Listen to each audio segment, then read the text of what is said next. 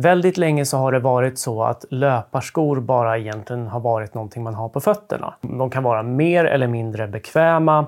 De kan funka sämre eller bättre för vissa individer. Det har funnits massa teknologi, så här antipronationsteknologi, motion control, heel stack hit och dit, olika grejer som har eh, föreslagits eller i alla fall har hypats av företagen själva som att det skulle göra någon skillnad för typ prestation och skademinimering och sådana här bitar.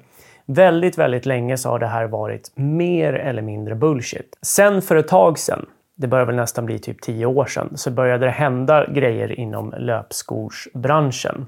Det började komma fram nya typer av skum och man började integrera olika typer av plattor i skorna på ett sätt som man inte hade gjort tidigare. Då förändrades liksom utseendet på skorna. De blev högre, mycket mera liksom av det här dämpande skummet och löparna blev snabbare. Det här är ingen tvekan om. Det är liksom studie efter studie har visat att rekorden har sjunkit i takt med att de här skorna har introducerats. Man har visat mekanistiskt att de här skorna sänker energin som det behövs för att ta sig fram i en viss hastighet, alltså förbättrar löpekonomin helt enkelt. Och det här är liksom en, en reell effekt. Det är inte en reell effekt för alla löpare. Vissa svarar bättre och sämre på de här skorna, men det är överlag en generell reell effekt. Och det har gjort att världsrekorden har liksom rasat inom nä nästan alla eh, löpdistanser. Nyligen slogs herrarnas eh, världsrekord på maraton. Det var inte en särskilt stor grej, inte alls på samma sätt som det var för typ tio år sedan när det, när det hände. Utan det är liksom en mer eller mindre väntad utveckling. Och det här beror Eh, i alla fall delvis på skorna. Sen finns det säkert andra faktorer, både liksom legala och inte, som kan ha inverkat på, på de här, att de här rekorderna har fallit. I takt med att man har forskat mer och mer på det här så har man börjat få bättre upplösning på datan som man har kring de här skorna. Man har sett bättre varför de fungerar, hur de fungerar, för vilka de fungerar, i vilka situationer och också som det jag ska prata om idag, när de slutar fungera. Tidigare så var i stort sett alla löparskor uppbyggda med något som kallas för EVA-skum. Nu kommer inte jag ihåg vad det står för. Skitsamma, alla vet vad jag menar för någonting. Det är en, en typ av skum som behövde hållas ganska tunt på skorna för att annars skulle det bli alldeles för tungt. Det var det som var avvägningen här.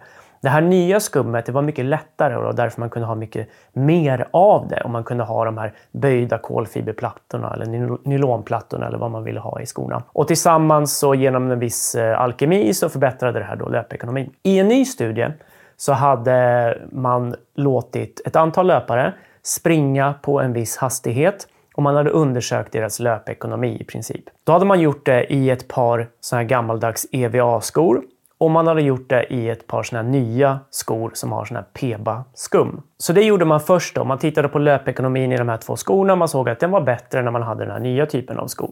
Ingenting förvånande. Sen så utsatte man de här skorna för 450 kilometers löpning. Alltså 45 mil skulle de här skorna ha sprungits i. Och så testade man igen. Och så ville man se, var den här skillnaderna fortfarande kvar? Liksom, såg det likadant ut? Och det man såg där var, rätt intressant nog, att de här nya skorna med PEBA-skummet, de försämrade sig så mycket under de här 450 kilometrarna att de blev lika dåliga eller lika bra som de här gamla skorna. Om någonting så såg man att de gamla skorna nästan förbättrades lite efter att man hade sprungit 45 mil i dem. De höll i alla fall sig kvar på samma nivå, men en liten, liten trend mot att de faktiskt blev lite bättre, vilket jag tror faktiskt att många kan ha upplevt. Att man jobbar sig in i ett par sådana här gammaldags skor och de blir lite, lite mer bekväma och lite bättre med tiden. Så de här skorna, de här hade jag på mig när jag sprang eh, i maj då, Kungsholmen runt och, och gjorde ett, eh, ett hyfsat resultat under förutsättningarna och blä, blä, blä. De här har inte jag använt särskilt mycket. Jag har i alla fall inte sprungit 45 mil i dem för att jag hann inte göra det under den här tiden. Men de har ändå ganska många mil på nacken.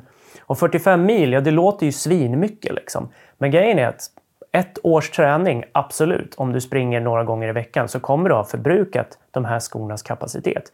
De kommer vara på samma nivå som ett väsentligen par billigare skor med EVA-skum.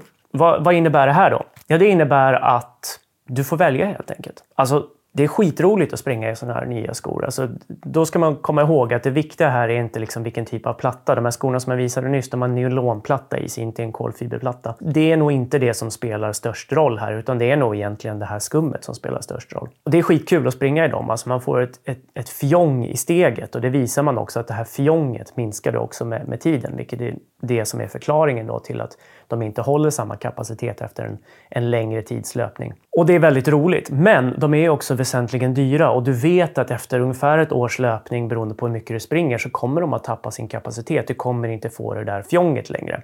Så kommer du inte känna den här skillnaden, för den sker ju gradvis. Liksom. Men skulle du ta på dig ett par nya varianter av samma skor så skulle du genast känna oj, det var så här de kändes när de var nya. Liksom. Implikationen här blir väl lite att ska du ha ett par skor för att tävla i, liksom, för att springa snabbare. Inte för att du är bättre, utan för att skon är bättre, ska man alltid komma ihåg.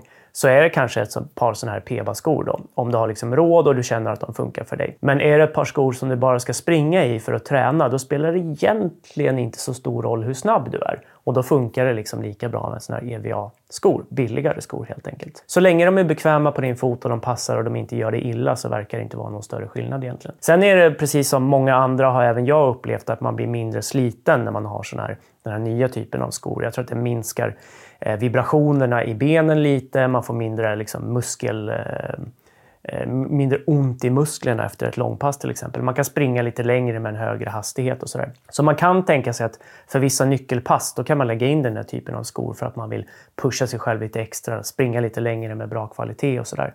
Men man ska också veta att när man gör det så kommer du slita på skorna. De kommer att bli sämre medan dina EVA-skor om någonting kommer att bli lite bättre.